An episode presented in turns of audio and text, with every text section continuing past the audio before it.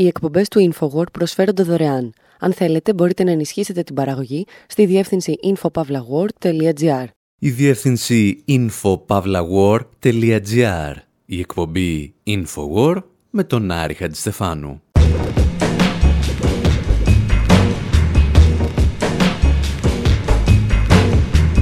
όπου σήμερα αναρωτιόμαστε γιατί μια κοινωνία είναι πάντα έτοιμη να κατηγορήσει κάποια μειονότητα για ένα ιδεχθές έγκλημα, το οποίο δεν διέπραξε. Και απαντάμε γιατί αυτό της επιβάλλουν οι κληρικοί της, οι εισαγγελείς της και οι καναλάρχες της.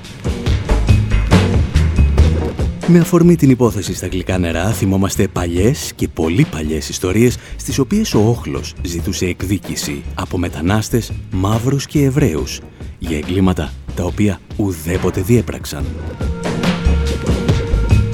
Αναζητούμε το πτώμα ενός παιδιού στο Τολέδο της Ισπανίας με καθυστέρηση 530 ετών και αφήνουμε τους Rage Against the Machine να μας διηγούνται ιστορίες για 8 μαύρα αγόρια που δεν πείραξαν ποτέ κανέναν. Και ύστερα διευρύνουμε το αντικείμενο της εκπομπής. Συζητάμε για όλους εκείνους που καταδικάστηκαν άδικα στα μάτια της δικαιοσύνης αλλά και της κοινωνίας.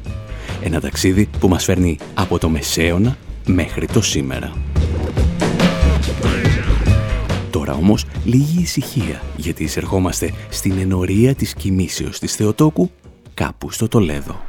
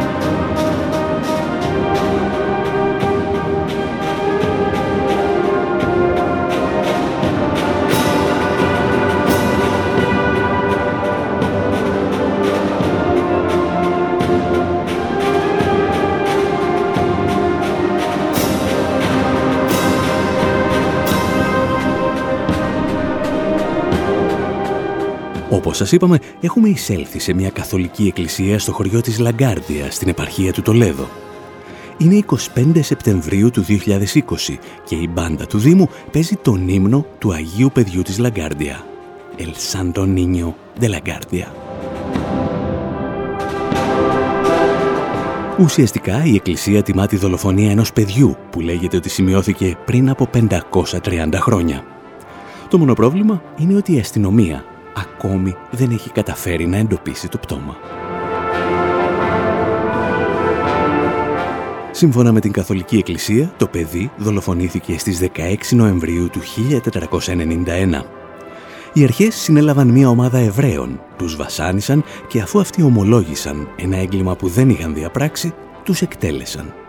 Αρκετοί ιστορικοί υποστηρίζουν σήμερα ότι δεν υπήρξε ποτέ τέτοιο παιδί και προφανώς χωρίς παιδί δεν υπήρξε και δολοφονία. Το πογκρόμ όμως που ακολούθησε εναντίον των Εβραίων ήταν απόλυτα αληθινό. Ένα χρόνο μετά την εκτέλεση των Εβραίων, η βασίλισσα Ισαβέλα, η πρώτη της Καστήλης, χρησιμοποίησε το υποτιθέμενο περιστατικό σαν ένα ακόμη επιχείρημα για να διατάξει την ολοκληρωτική απέλαση όλων των Εβραίων από το βασίλειό της. Ουσιαστικά την επιχείρηση είχε στήσει από την πρώτη στιγμή η Ισπανική Ιερά Εξέταση. Διέδωσε το μύθο της δολοφονίας, συνέλαβε και βασάνισε Εβραίους για να ομολογήσουν και ύστερα τους εκτέλεσε. Το πρόβλημα όμως για την Ισπανία και την ανθρωπότητα είναι ότι το λεγόμενο ιερό παιδί της Λαγκάρντια τιμάται ακόμη και σήμερα από τους πιστούς. Ένας μύθος λοιπόν στήθηκε και διαδόθηκε σαν φωτιά σε ξεραχόρτα εναντίον των Εβραίων γιατί υπήρχαν έτοιμες κοινωνικές και πολιτικές ομάδες που τον χρειάζονταν για να εδραιώσουν την κυριαρχία τους να απομακρύνουν πολιτικούς και οικονομικούς αντιπάλους και να βρουν από διοπομπαίους τράγους για τα δικά τους εγκλήματα. Σκέψεις που μας οδηγούν σε ένα ακόμη ανάλογο περιστατικό για το οποίο ίσως να θυμάστε ότι είχαμε μιλήσει και πριν από περίπου πέντε χρόνια. Ο δικός μας, η Rage Against the Machine.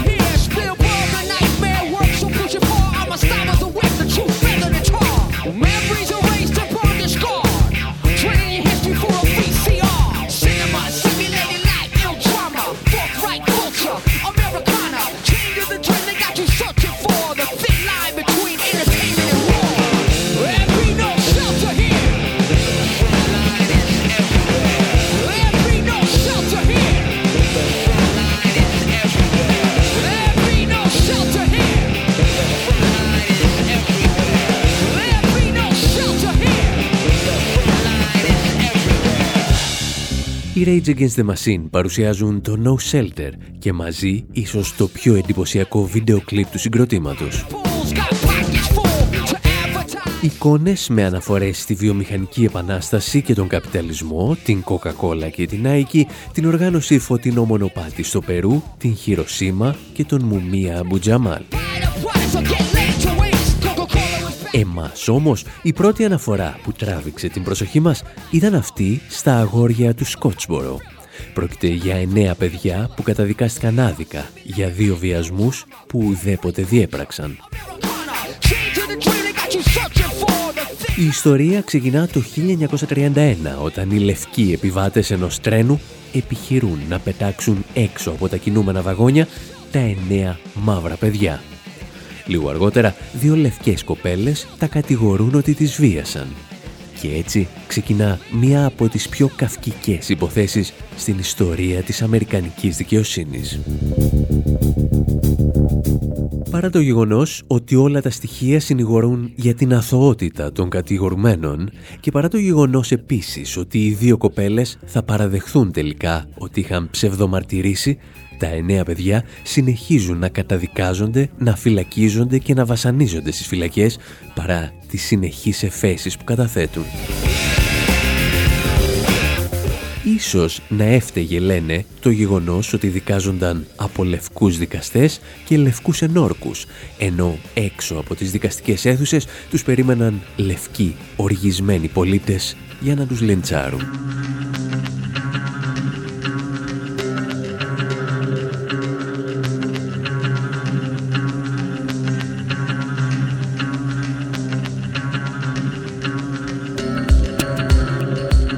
Πρόβλημα για την Αμερικανική κοινωνία είναι ότι συνεχίζει ακόμη και σήμερα να κατηγορεί άδικα τα μέλη μειονοτήτων για εγκλήματα που δεν διέπραξαν.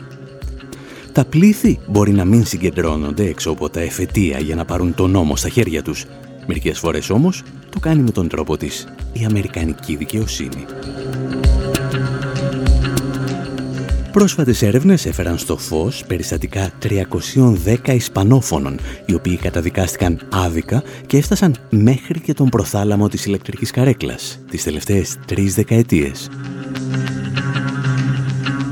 Σύμφωνα με οργανώσεις ανθρωπίνων δικαιωμάτων, ένας από τους λόγους είναι ότι οι αρχές τους απειλούν με απέλαση. Και αυτοί φοβούνται τόσο να επιστρέψουν στη χώρα τους, ώστε προτιμούν να δηλώσουν ένοχοι για εγκλήματα που δεν έχουν διαπράξει και να οδηγηθούν στη φυλακή. δεύτερος σημαντικός λόγος είναι ότι σε πολλές περιπτώσεις δεν μιλούν αγγλικά και συχνά δεν τους δίνεται διερμηνέα στη φάση της ανάκρισης. Ή, ακόμη χειρότερα, ο αστυνόμος ανακριτής αναλαμβάνει και χρέη μεταφραστή. Και σκεφτείτε ότι ακόμη δεν έχουμε φτάσει στην αίθουσα του δικαστηρίου. Εκεί όπου οι Ισπανόφωνοι κατηγορούμενοι δεν μπορούν να πληρώσουν έναν καλό δικηγόρο για τα έξοδα της δίκης. Και ύστερα έρχονται οι ρατσιστικές προκαταλήψεις αστυνομικών, εισαγγελέων και δικαστών να φέρουν την καταδίκη. Κάτι σαν να ακούς την πρόεδρο της Ένωσης Ελλήνων Εισαγγελέων να σου λέει ότι η αύξηση της εγκληματικότητας οφείλεται στην εισρωή στην ελληνική κοινωνία πληθυσμών οι οποίοι δεν ασπάζονται τις ίδιες αξίες με τον Έλληνα. Και τη φρικτή ημέρα που συνειδητοποιεί ότι ο γυναικοκτόνος είναι λευκός, Έλληνας, χριστιανός και πλούσιος. Εμείς πάλι συνεχίζουμε απλώς να διηγούμαστε ιστορίες τις οποίες ολόκληρες κοινωνίες φορτώνουν στους ανίσχυρους τα εγκλήματά τους. Και αν δεν προσέξεις, οι άνθρωποι αυτοί εκτελούνται από το κράτος ή από τον όχλο, γιατί αυτό βολεύει την αφήγησή τους. Ιστορίες όπως αυτή του George Stinney.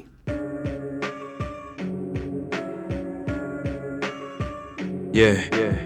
If I die. Very versatile, lay my body in the grave with some fucking style, some Jordans and a Gucci towel. Or cue the drip because I know how. Brothers get it twisted, what it's all about. We dying young, why ignore it now? We didn't make Malcolm and Luther proud. Yeah. No sacred great, come together now. What you don't see, rappers talk about. Emmett Till, George Steiny, Trayvon Martin the neglected. And I talked about they focus on nothing but clout. It's killing names with bloodstain. Love each other, it's this thing. Taking lives in a fucking game. But quality, I mean, we're the same. It's settling difference, healing pain. Looking past more than just a fame. I'll break the culture from what it became. I'll say crazy shit to such a brain, but I bloom the flow. It's insane. You'll understand every time, man. If I died to remember my name, do I remember my name? Hear the youth like Josh say. Remember the tears on my face. 6, 18, 18, I was lost in space. I thought it was gonna be a good day. Uh. Check out the story, put a smile, a bright plan, charity event this weekend. Hey, I envy you all the way. Going too young and set the you straight, but I'll spread the positive and heavyweight. If I die, I single tear on my face, cause I tried my hardest to change the race. If I die, very... Ο Αμερικανός ράπερ Σραβίντε τραγουδά για ανθρώπους που δολοφονήθηκαν από το κράτος στις Ηνωμένες Πολιτείες για την πολιτική τους δράση ή επειδή έτυχε να είναι μαύρη σε μια κοινωνία που αναζητούσε επιγόντως εξυλαστήρια θύματα. Και ανάμεσα σε πολλά ονόματα ακούμε και αυτό του George Stinney.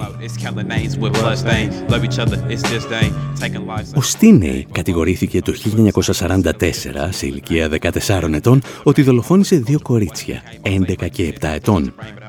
Το πρόβλημά του ήταν ότι τα κοριτσάκια ήταν λευκά και αυτός μαύρος.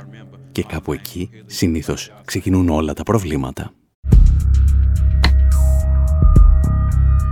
Η ιστορία διαδραματίστηκε στο Άλκολου της Νότιας Καρολίνας, μια κομμόπολη που ήταν απόλυτα διαιρεμένη ανάμεσα στις συνοικίες των λευκών μικροαστών και των φτωχών μαύρων. Και όταν τα πτώματα των δύο κοριτσιών εντοπίστηκαν σε μια λίμνη στην περιοχή των μαύρων, οι λευκοί κάτοικοι είχαν βγάλει ήδη το πόρισμά τους.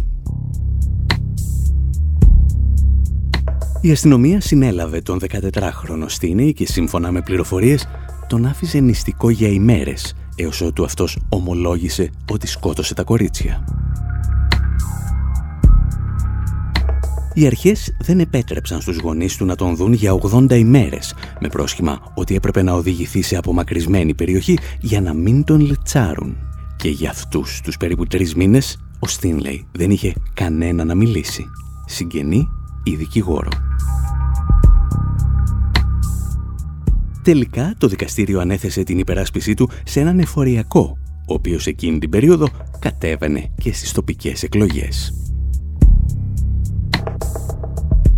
Στο κτίριο του δικαστηρίου υπήρχαν χίλιοι λευκοί κάτοικοι της περιοχής που ζητούσαν την καταδίκη του, λευκοί ένορκοι, λευκοί δικαστές και λευκοί δημοσιογράφοι.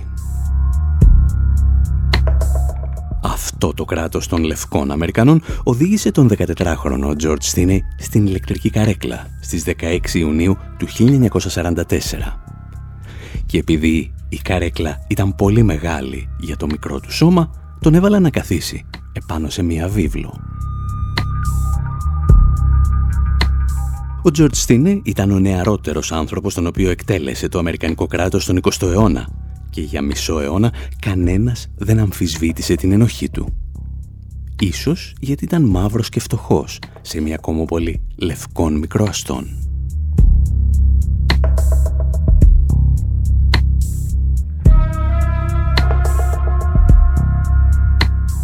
Ιστορίες που θυμόμαστε με αφορμή την ετοιμότητα της ελληνικής κοινωνίας να πιστέψει ότι πίσω από τη δολοφονία στα γλυκά νερά δεν θα μπορούσαν παρά να βρίσκονται μετανάστες. Γιατί έτσι τις έμαθαν να σκέφτεται οι παπάδες της, οι αστυνομικοί της, οι εισαγγελείς της και οι δημοσιογράφοι της. Εσείς πάλι μένετε εδώ, γιατί στο δεύτερο μέρος της εκπομπής έχουμε πολύ περισσότερα τραγούδια για ανθρώπους που καταδικάστηκαν άδικα στο πέρασμα των χρόνων. Μουσικές και στίχοι για τον Σοκράτη, τη Ζαντάρκ και άλλους πολλούς. It all began when they took me from my home and put me on death row. A crime for which I'm totally innocent, you know. I began to warm and chill to objects and their fields, a ragged cup, a twisted mop, the face of Jesus in my soup, those sinister dinner deals, the meal trolley's wicked wheels, a hook bone rising from my food, and all things either good or ungood. And the mercy seat is waiting, and I think my head is burning, and in a way I'm yearning to be done with all this weighing of the truth. An eye for an eye and a tooth for a tooth. And anyway, I told the truth, and I'm not afraid to die.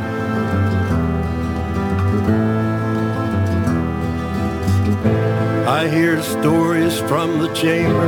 Christ was born into a manger, and like some ragged stranger, he died upon the cross. Might I say it seems so fitting in its way he was a carpenter by trade, or at least that's what I'm told.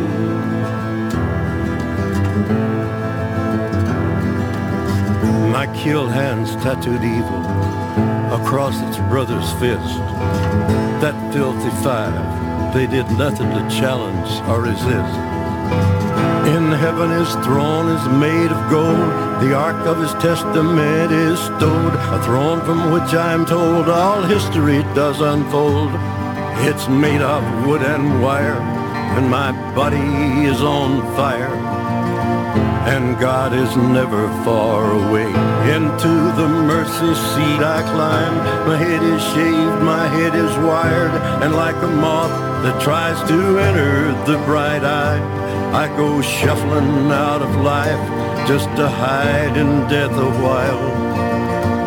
And anyway, I never lie. And the mercy seat is waiting, and I think my head is burning.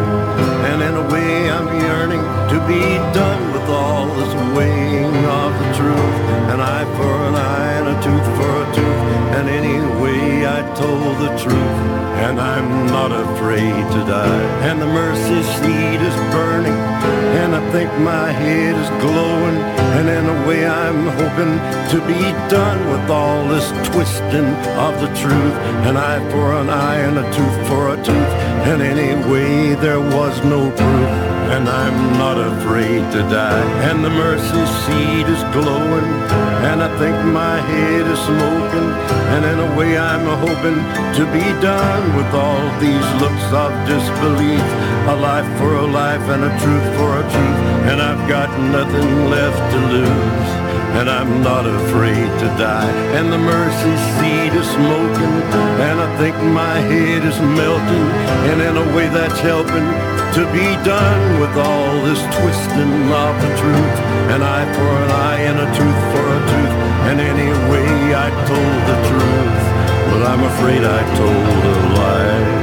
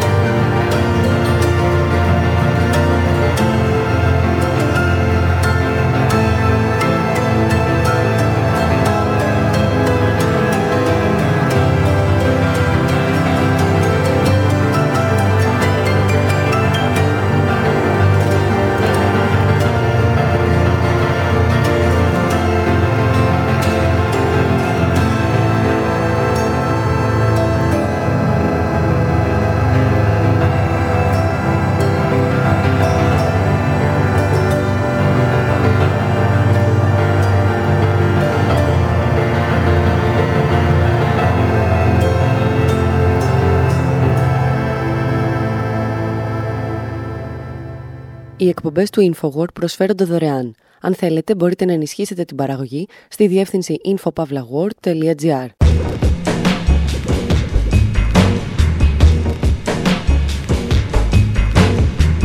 Εκπομπής InfoWord, μέρος δεύτερο. Όπου αφού είδαμε πως ολόκληρες κοινωνίες προετοιμάζονταν για χρόνια για να κατηγορήσουν άδικα τα πιο αδύναμα μέλη τους, συνεχίζουμε με ορισμένες ιστορικές περιπτώσεις κακοδικίας. Θέμα διαφορετικό, αλλά νομίζουμε συναφές. Αφήνουμε τον Σοκράτη να πίνει το κόνιο και παραδίδουμε τη Ζαν Ντάρκ στις φλόγες με μια μικρή βοήθεια από τους Arcade Fire. Παρακολουθούμε την πιάτσα Φοντάνα να τεινάζεται στον αέρα και βλέπουμε αστυνομικούς και δικαστές να κυνηγάνε αναρχικούς αντί για φασίστες.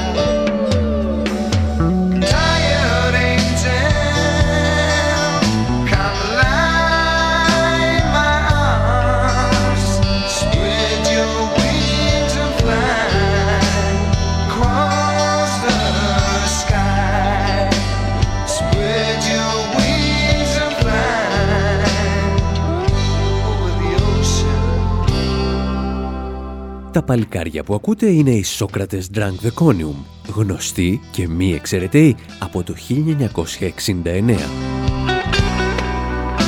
Σήμερα προφανώς μας ενδιαφέρουν μόνο για το όνομά τους και εκείνον τον Σοκράτη που ήπιε εκείνο το κόνιο. Γιατί όσα βιβλία και αν διαβάσαμε και όσες εγκυκλοπαίδειες και αν φιλομετρήσαμε αναζητώντας τις σημαντικότερες κακοδικίες της ιστορίας, σχεδόν πάντα όλα ξεκινούσαν από τη δίκη του Σοκράτη. Η αλήθεια είναι ότι μας προβλημάτισε το αν θα έπρεπε να συμπεριλάβουμε τον Σοκράτη στη λίστα με τους αθώους που καταδικάστηκαν άδικα, γιατί θα έπρεπε να διευκρινίσουμε με πολύ μεγαλύτερη ακρίβεια τι εννοούμε λέγοντας αθώους και τι εννοούμε μιλώντας για αδικία. Ήταν παραδείγματος χάρη ο Νέλσον Μαντέλα ένας αθώος που πέρασε άδικα 27 χρόνια της ζωής του στη φυλακή; Για εμάς η απάντηση είναι αναμφίβολα ναι. Για το καθεστώς του Απαρτχάιντ όμως ήταν ένας μαρξιστής επαναστάτης ο οποίος ίδρυσε μια ένοπλη οργάνωση και πραγματοποιούσε επιχειρήσεις σαμποτάζ. Πιο απλά, το φιλοφασιστικό καθεστώς του Απαρτχάιντ δεν έκανε λάθος που τον έβαλε φυλακή δεν ήταν δηλαδή μια περίπτωση κακοδικίας. Το λάθος ήταν η ίδια η ύπαρξη του καθεστώτος. Τι γίνεται όμως με τον Σοκράτη; Αν δεχθούμε την μάλλον απλοϊκή άποψη ότι καταδικάστηκε σε θάνατο για ασέβεια προς τους θεούς και για διαφθορά των νέων, έχουμε μια καραμπινάτη κακοδικία. Αν όμως δεχθούμε την άποψη ορισμένων ιστορικών ότι συμμάχησε και στήριξε το αιμοσταγές καθεστώς των τριάκοντα τυράννων, δεν έχουμε αναγκαστικά κακοδικία, αλλά μια πολιτική απόφαση. Οι αποφάσεις των δικαστών είναι βέβαια πάντα πολιτικές. Εμείς όμως θέλουμε να εστιάσουμε σήμερα στις κακοδικίες, στις περιπτώσεις δηλαδή που ο δικαστής παραβιάζει τους νόμους και το δίκαιο που ο ίδιος έχει αποδεχθεί. Και επειδή λοιπόν τα πράγματα με τον Σοκράτη είναι μπερδεμένα από ποια πλευρά και αν τα εξετάσεις, από το 399 π.Χ.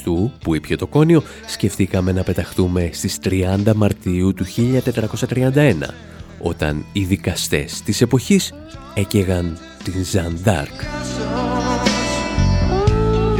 Ξεναγός μας σε αυτή την ιστορία, η Arcade Fire με το Joan of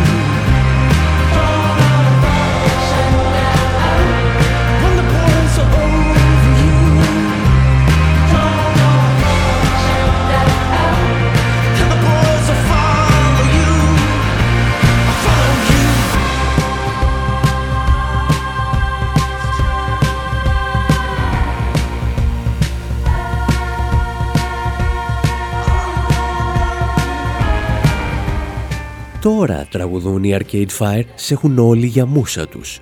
Πού ήταν όμως όταν άναβαν τη φωτιά; Η Ζαντάρκος γνωστόν καήκε ζωντανή αφού κατηγορήθηκε για παρενδυσία αλλά και για το γεγονός ότι ήταν λέει αιρετική. Αθώθηκε μόνο μετά θάνατον σε αυτό που σήμερα θα αποκαλούσαμε εφετείο κακουργημάτων.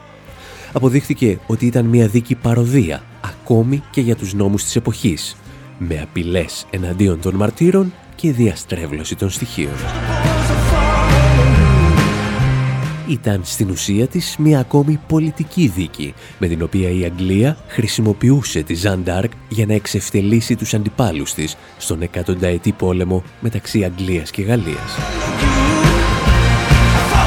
Η Ζαν Ντάρκ ουσιαστικά πλήρωσε το γεγονός ότι ήταν γυναίκα, ήταν φτωχή και ότι με τις πράξεις της μετέτρεψε τον πόλεμο μεταξύ δύο βασιλείων σε ένα είδος εθνικό-απελευθερωτικού πολέμου απέναντι στους Άγγλους.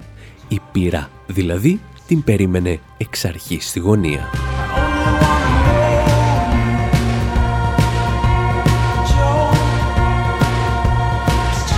Το πρόβλημα με τους Γάλλους δικαστές είναι πως κάθε φορά που παίρνουν μια λάθος απόφαση γίνεται πανικός και οι ιστορικοί δεν τους το συγχωρούν ποτέ.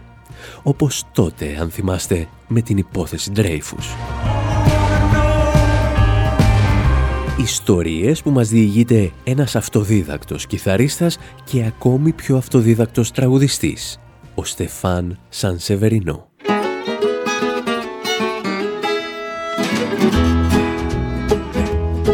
Sur une des pointes de l'île du diable, il y a le banc de Dreyfus. Je pense à tout ce qu'il a vécu pendant longtemps. Accusé, puis récusé, et encore à nouveau condamné, puis rejugé, il s'est fait réhabiliter. L'injustice l'a poursuivi, et pourtant lui, après dix ans, il s'en est sorti. Je regarde les vagues se fracasser sur les rochers, laquelle va m'emporter? J'en ai loupé des cavales en partant sur l'eau. Hier, la dernière, on était à cheval sur des tonneaux. Parti à deux dans la tempête, on s'est jeté dans le grand bain. Moi j'ai pu rentrer, mais pas mon copain napolitain. Il a disparu sur son fût d'huile d'olive, joli mort pour un Italien. Je regarde l'écume et l'amplitude de la marée, laquelle va m'emporter. Impossible de rester une minute de plus. Juste en dessous de ce qu'on appelle le banc de Dreyfus. Je ne suis pas parti tout seul, mais avec Sylvain, un autre bagnard qui mourra lui quelques jours plus tard. Accrochés à nos sacs flottants, on va dériver pendant trois jours sur l'océan. Pas un seul requin pour nous croquer les doigts de pied. La cavale a commencé. On arrive à moins de 300 mètres du rivage. À marée basse, on reste coincé sur la vase, ok? Encore un peu de patience, on attend que la dernière marée nous amène tout, tout, tout, tout, près des rochers. Mais le soleil lui a tapé sur le système. Sylvain quitte le radeau pour y aller quand même. Il s'enfonce dans la vase tout entier et à tout jamais. Oh, la mort l'a emporté.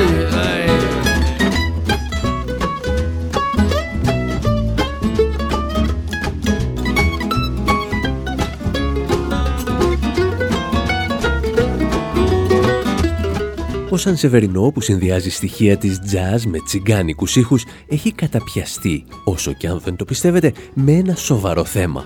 Τη δίκη και την καταδίκη του Άλφρεντ Ντρέιφους. Ο Ντρέιφους, τον οποίο οι περισσότεροι γνωρίσαμε από το κατηγορώ του Εμίλ Ζολά, βρέθηκε στο επίκεντρο της μεγαλύτερης δικαστικής πλάνης που γνώρισε η Τρίτη Γαλλική Δημοκρατία. La vague te porte en lieu sûr. Oh, Κατηγορήθηκε άδικα ότι παρέδωσε απόρριτα έγγραφα στη γερμανική πρεσβεία και το γεγονός ότι ήταν εβραϊκής καταγωγής δεν τον βοήθησε καθόλου.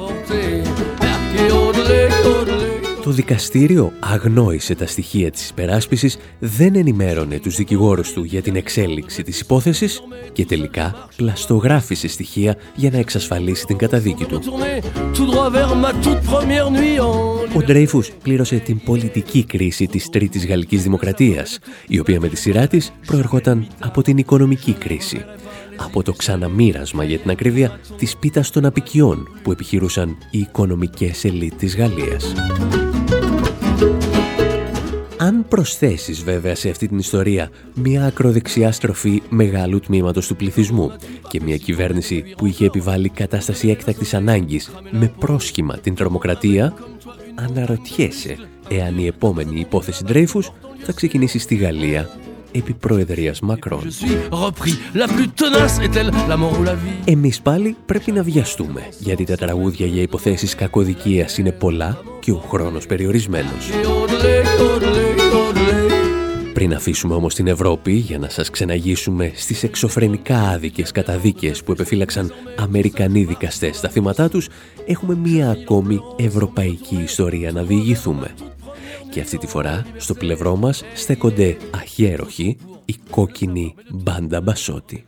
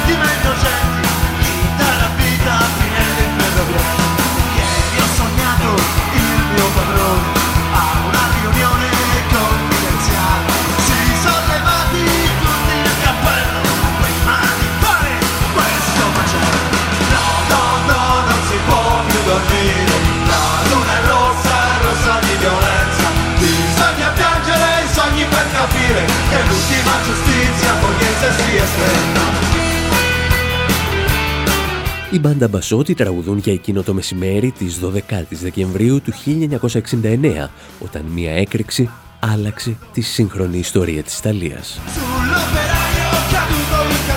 Κομμάτια από το παρακράτος που είχε δημιουργήσει το ΝΑΤΟ με τη μορφή οργανώσεων όπως η Γκλάντιο δείχνουν το πραγματικό τους πρόσωπο. Ακροδεξίες οργανώσεις ξεκινούν σειρά τρομοκρατικών επιθέσεων, τις οποίες αποδίδουν στην αριστερά. Ιστορίες τις οποίες η μπάντα Μπασότη δανείζονται από τον Κλαούντιο Μπερνιέρη.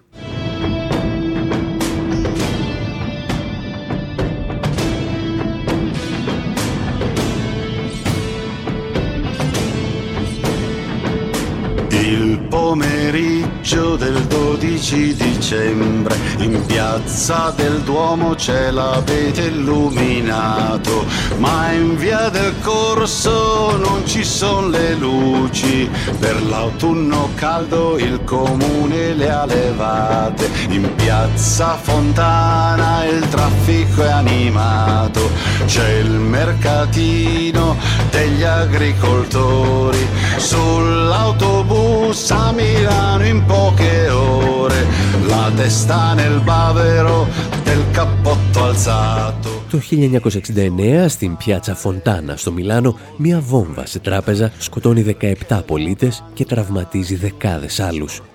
Ακολουθούν δεκάδες παρόμοιες ενέργειες σε όλη τη χώρα με αποκορύφωμα την έκρηξη στο σιδηροδρομικό σταθμό της Μπολόνια τον Αύγουστο του 1980. Μια ιστορία που μας διηγούνταν δημοσιογράφοι του BBC.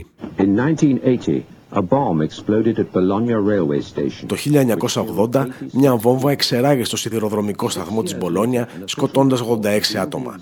Έξι χρόνια αργότερα, η ειδική αναφορά αποκάλυψε ότι στην Ιταλία υπήρχε μια αόρατη κυβέρνηση την οποία διοικούσαν οι επικεφαλείς των μυστικών υπηρεσιών και ομάδες τρομοκρατών.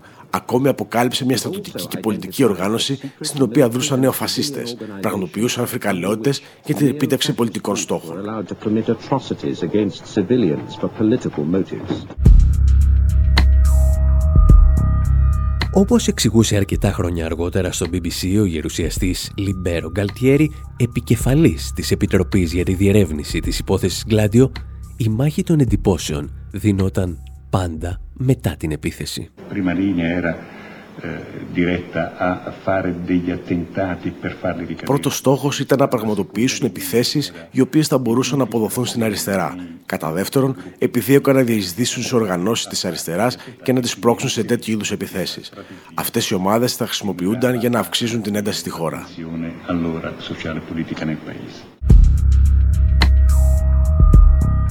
Η επιχείρηση κατασυκοφάντησης της αριστεράς και του αναρχικού χώρου αποδίδει άμεσα καρπούς στην περίπτωση της Πιάτσα Φοντάνα. Και ένα από τα πρώτα θύματα αυτής της εκστρατείας ήταν ο αναρχικός Πιέτρο Βαλπρέντα. Ο Βαλπρέντα συλλαμβάνεται αμέσως μετά την επίθεση στην Πιάτσα Φοντάνα μαζί με τον επίσης αναρχικό Τζιουζέπε Πινέλη, ο οποίος πεθαίνει λίγες ημέρες αργότερα στα χέρια της αστυνομίας. Το μόνο ενοχοποιητικό στοιχείο ήταν η δήλωση ενός ταξιτζή που υποστήριξε ότι τους είδε στην πλατεία. Τα μέσα ενημέρωσης όμως είχαν βγάλει την ετοιμιγορία τους. Έδωσαν στο Βαλπρέντα το παρατσούκλι το τέρας της πιάτσα Φοντάνα και οι δικαστές αφού τον προφυλάκησαν για τρία χρόνια τον καταδίκασαν. Τελικά αθώθηκε 16 χρόνια αργότερα, ενώ σχεδόν τρεις δεκαετίες μετά την επίθεση έγινε γνωστό ότι τις βόμβες είχε τοποθετήσει η φασιστική οργάνωση Ordine Nuovo. Και αν το γεγονός ότι οι φασίστες κυκλοφορούν ελεύθεροι, ενώ αριστεροί και αναρχικοί αθώοι προφυλακίζονται, καταδικάζονται και βασανίζονται με απόφαση των μέσων ενημέρωσης και ορισμένων δικαστών, σας θυμίζει κάτι, είναι γιατί γνωρίζετε την ελληνική πραγματικότητα.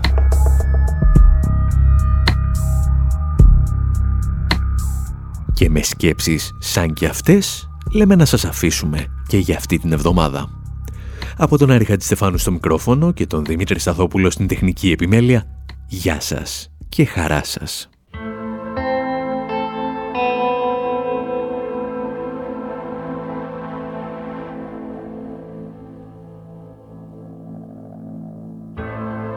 There's a lynching in the square.